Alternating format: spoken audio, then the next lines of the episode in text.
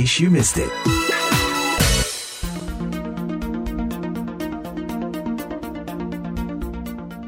Bertemu lagi dengan saya Madioni dalam In Case You Missed It VOA Washington DC, program yang hadir setiap hari Jumat. Istilah festival rakyat sudah sering kita dengar, namun di Malang ada Festival Kampung Cempluk, sebuah festival budaya yang terkenal dan berhasil melibatkan warganya. Festival ini diadakan setiap tahun sejak 2009. Kesuksesan kampung ini juga telah mengilhami festival-festival kampung lainnya termasuk di Aceh. Kita akan berbincang-bincang dengan penggagas Kampung Cempluk, Redi Eko Prastyo dan Devi dari Sanggar Matahari Aceh. Mas Redi sebagai penggagas Festival Kampung Cempluk, apa sebetulnya mata pencaharian penduduk Kampung Cempluk sebelum terkenal dengan festival? Mereka memang basicnya itu masyarakat produksi sih sebetulnya, agraris. Tapi karena memang kemudian tidak ada lahan yang sudah menjadi menjadi perumahan itu akhirnya bedol profesi jadi masyarakat produksi menuju masyarakat jasa. Artinya masyarakat jasa makanya Kampung Cempluk itu dikenal dengan kampung tukang. Jadi mereka uh, harus bekerja menjadi buruh tukang menggarap perumahan-perumahan, kuli, bangunan kayak gitu. Dan itu menjadi sebuah profesi akhirnya sampai sekarang, sampai sekarang. Itu yang membuat saya karena saya aktivitas di wilayah seni dan budaya gitu. Apa ya yang bisa saya kontribusikan terhadap ruang sekitar saya. Festival Kampung Cempluk ini kan diadakan setiap minggu kedua bulan September. Mas Redi apa aja sih yang ditampilkan di dalam Festival Kampung Cempluk ini? Kampung Cempluk itu eh, festivalnya kan tujuh hari, punya template lah istilahnya. Ada cempluk bergerak, ada cempluk bernyanyi, ada cempluk uh, kolaborasi, ada cempluk uh, berbunyi,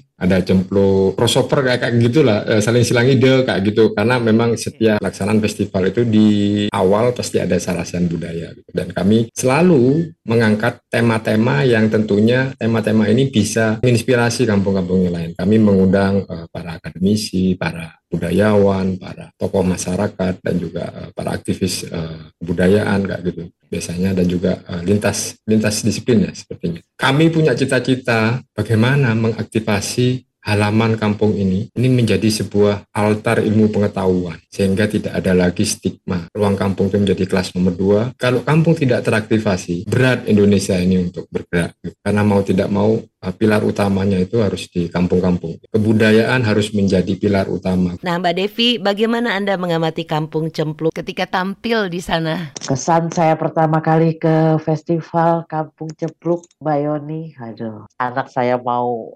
kolaborasi. Itu satu adalah kado terindah. Kedua adalah masyarakat. Jadi begitu saya masuk itu semua menyapa ya menyapa kita pada karena kan kebetulan kita pakai kostum gayo uh, lengkap gitu pakai crown gayo nggak dibuat-buat mbak uh, Yoni gitu. Jadi saya ngerasa kayak aduh ini rumah banget. Inilah kebudayaan yang sebenarnya bagi saya uh, bagaimana masyarakat itu nggak ada uh, keterpaksaan dalam dia melakukan sapaan nggak ada. Ya saat anak lari-lari pun masih sempat jadi natural dan wah rumah banget lah pokoknya gitu. Itu yang yang kedua. Yang ketiga adalah anak-anak yang menjadi uh, panitia itu ngetrit kita tuh luar biasa. Dari dari pertama uh, apa uh, mereka mengundang kemudian memberitahukan nanti akan apa segala macam itu itu kayak udah IO IO besar gitu. Sementara begitu ketemu langsung, ya anak-anak muda banget ya masih oh, ibaratnya uh, uh, uh, Bu Devi mohon maaf ya saya kuliah dulu nanti saya lanjut gitu. Itu waduh keren banget gitu. Jadi uh, pada saat dia harus kuliah dulu dia mau melanjutkan uh, tugas dia ke temannya tuh dia dia sampaikan gitu, dia beritahu. Gitu. Kesenian apa yang Mbak Devi bawakan ketika itu? Kami menyajikan seni jangin. Jangin ini e, bersenandung menceritakan tentang situasi di Gayo ya di Takengon. Kemudian juga dengan didong dan karena kerinduan saya juga saya sempat akhirnya bermusikalisasi puisi sama anak saya. Dan di atas panggung kita langsung pentas itu. Terima pertunjukan karena ini kan berbahasa Gayo. Itu mereka duduk tenang ngikutin kita apa memberi respon yang sangat positif. Jadi saya pikir ini ke kampung tapi kok orang-orangnya amat sangat berbudaya amat sangat paham apa itu eh, mengapresiasi apa itu eh, gimana ya sebagai tuan rumah tuh udah oke okay banget banget. Nah, Mas Redi setelah berlangsung selama lebih dari satu dekade, bagaimana warga melihat perkembangan kampungnya? Anak-anak muda di sini yang dulu kalau ditanya kamu anak mana, saya anak jalan di yang atas. Sekarang kalau ditanya kamu anak mana, kau arek endi? Aku arek cempluk gitu. Pride itu yang yang ya. Seberapa banyak menurut Mbak Devi sebuah perhelatan budaya kampung ini bisa mempengaruhi perkembangan warga? Semua kampung mempunyai uh, festival dengan dengan warnanya masing-masing. Wah, tawuran warga saya pikir nggak akan ada itu karena udah udah terlalu apa ya letih memikirkan kreativitas kreativitas yang memang murni dari keinginan masing-masing. Itu sih saya amat sangat dan suami juga teman-teman yang lain dan mahasiswa akhirnya mau mau mahasiswa Aceh eh, Malang mau membuat acara di situ dan tergerak hatinya untuk lebih lagi berlatih dan juga menjambangi tempat-tempat seperti Kampung Cempluk. Sekarang siapa pelaksana festival Cempluk ini Mas Redi? Generasi yang keempat sekarang dari adik Karang Taruna itu masih SD gitu kan sekarang sudah yang, yang jadi panitia ini yang, yang yang dulu masih SD. Saya praktis uh, secara teknis sudah tidak apa terus mendirect gitu enggak. Ini sudah auto. Mungkin saya hanya ngasih uh, trigger gitu ya untuk pengembangan-pengembangan terutama terkait tema. Bagaimana setiap tema di festival itu bisa uh, inspirasi dan selalu memberikan vibrasi yang baik terhadap kampung-kampung di sekitar dan juga di, di Indonesia terutama. Mbak Devi di Aceh juga menyelenggarakan festival kampung. Apa namanya Mbak Devi? Desember Kopi Gayo. Nah, uh, jadi pelan-pelan ternyata dari 2016 sampai 18 kita punya PR juga ya untuk bisa merangkul satu sama lain.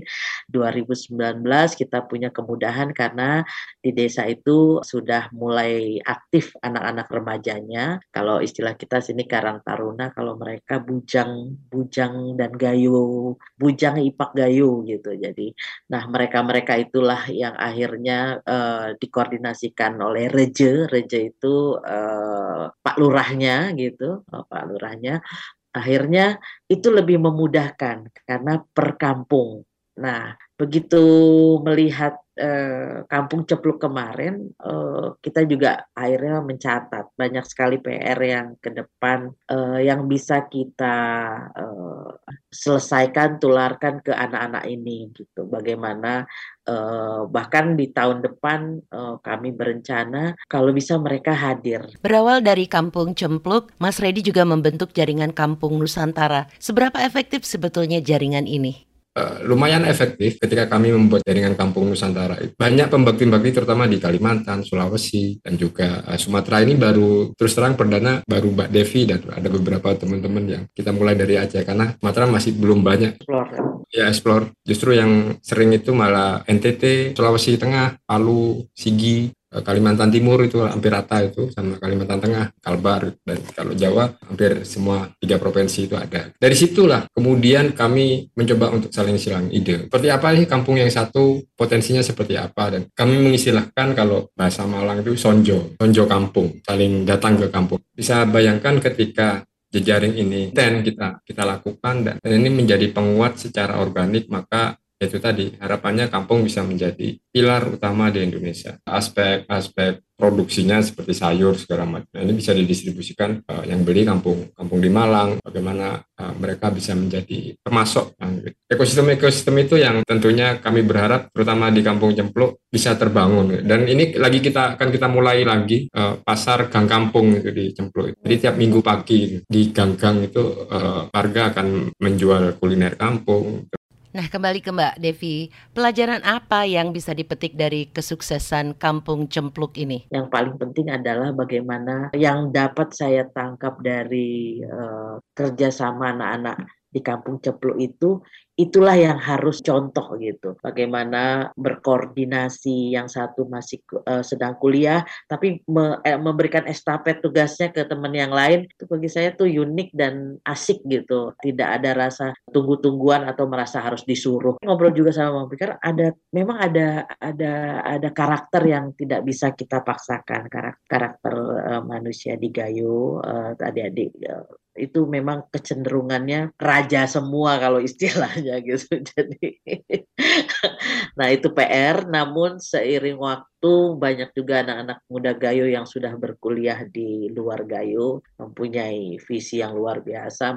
Menarik. Apalagi yang dikembangkan warga Kampung Cempluk Mas Redi? 2010 kami mencoba membuat instrumentasi berbasis kampung namanya Dawai Cempluk yang saya mainkan dengan grup saya dan itu buatan dari warga warga Kampung Cempluk. Ya cuman kan masih manual ya karena uh, itu dari kayu-kayu bekas dan karena terutama di Malang. Malang itu kan tidak punya instrumentasi itu yang berbasis kampung karena Malang konteks hari ini itu merupakan kota perjumpaan multi etnis semacam ruang urban kan gitu kan. Ini kalau kalau dimunculkan dari masing-masing kampung instrumentasi musik ini gitu kan, maka ini akan menarik dan menjadi pengkayaan tersendiri. Nah, saya coba teskis itu dengan kelompok saya, saya bikin album kemarin itu Duo Enicolik dan 2010 saya ikutkan Supravista Festival itu di Italia. Gitu. Ternyata masuk uh, dapat nominasi uh, apa sebagai juara satu gitu kan untuk kategori uh, mix vokal dan instrumen. Ini yang memunculkan kepercayaan diri kami lagi bahwasanya kita mampu ya untuk untuk itu butuh proses ya butuh proses dan bagi warga ini karena kan basicnya adalah tukang ya. Nah ini tukang kayu gitu mereka otodidak. Namanya Cak Budia ini otodidak nih. Bikinnya otodidak. Belajarnya dari YouTube kalau pulang dari apa istilahnya garap rumah gitu kan anu, eh, ada kayu-kayu bekas itu dibawa. Baik itu triplek atau apa atau uh, buatannya udah banyak dan bisa jadi galeri. Kemarin pada saat festival cempluk itu uh, buka galeri dawai cempluk. Dipamerkan nggak gitu. Dan ya tinggal pengembangan pengembangan begitu begitu dan kita mencoba untuk progres bikin hubnya itu lembah budaya kampung itu sehingga bisa tersentrum di satu apa namanya di satu ruang. Wah seru ya Mas Reddy. Nah festival di Aceh Mbak Devi diselenggarakan di kampung mana saja? Uh, tiga kampung. Pertama Burtelege, kemudian uh, Payatumpi baru, kemudian ada satu desa baru yang tak uh, kami selenggarakan juga kegiatan ini di kampungnya itu Arul Gading. Uh, jadi tiga tempat ini yang insya Allah dan akan merambah lagi benar meriah. Tetangga dari Aceh Tengah minta juga untuk dibuatkan kegiatan serupa dan setelah selesai yang di Aceh Tengah kami akan bergerak ke benar meriah.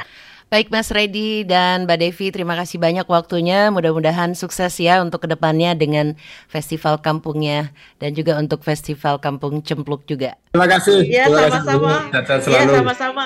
Demikian In Case You Missed It, VOA Washington DC bersama Redi Eko Prasetyo dan Devi dari Sanggar Matahari di Aceh. Program ini juga bisa disimak melalui podcast kesayangan Anda. Saya Madioni undur diri, sampai jumpa dalam topik menarik lainnya. Bye.